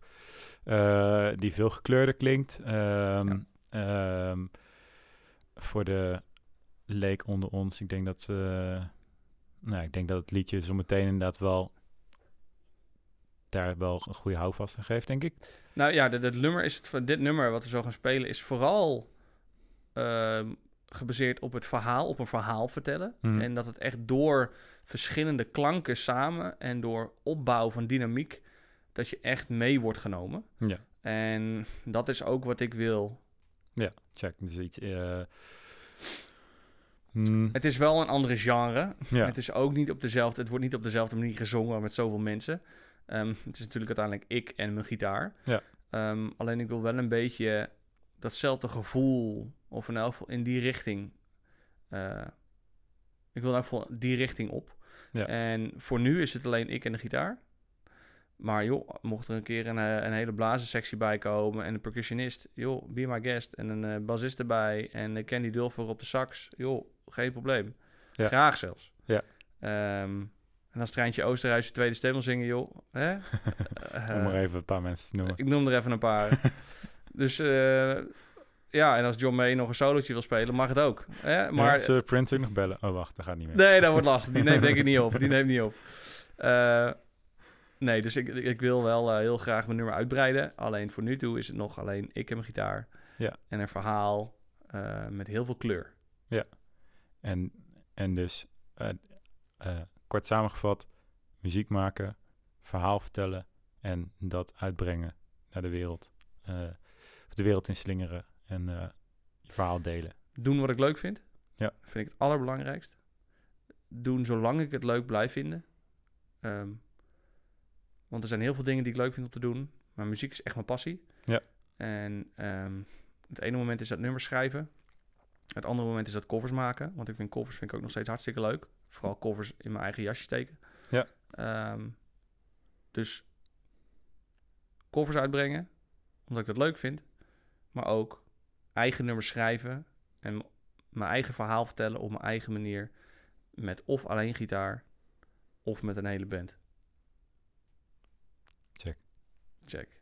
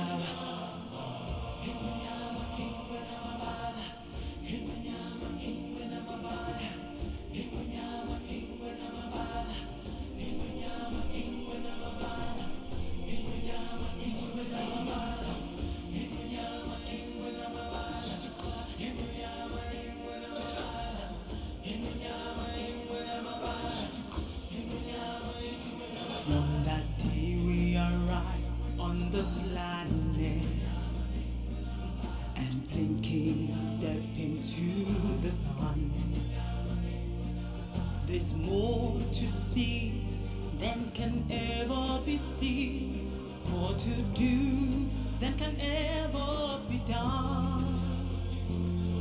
There's far too much to take in here. More to find than can ever be found. By the sun rolling high through the sapphire sky, keeps great and small on the endless round. Is the circle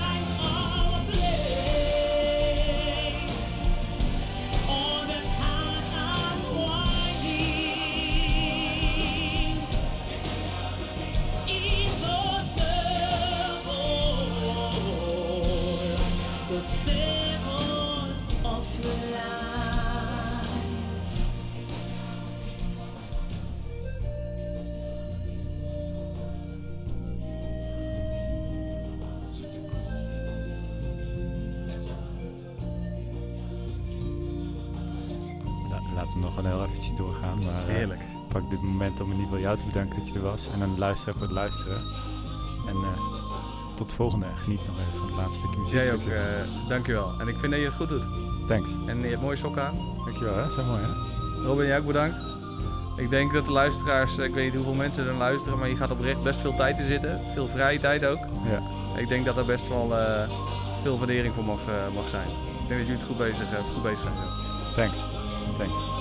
Veel luisterplezier nog. It's the same.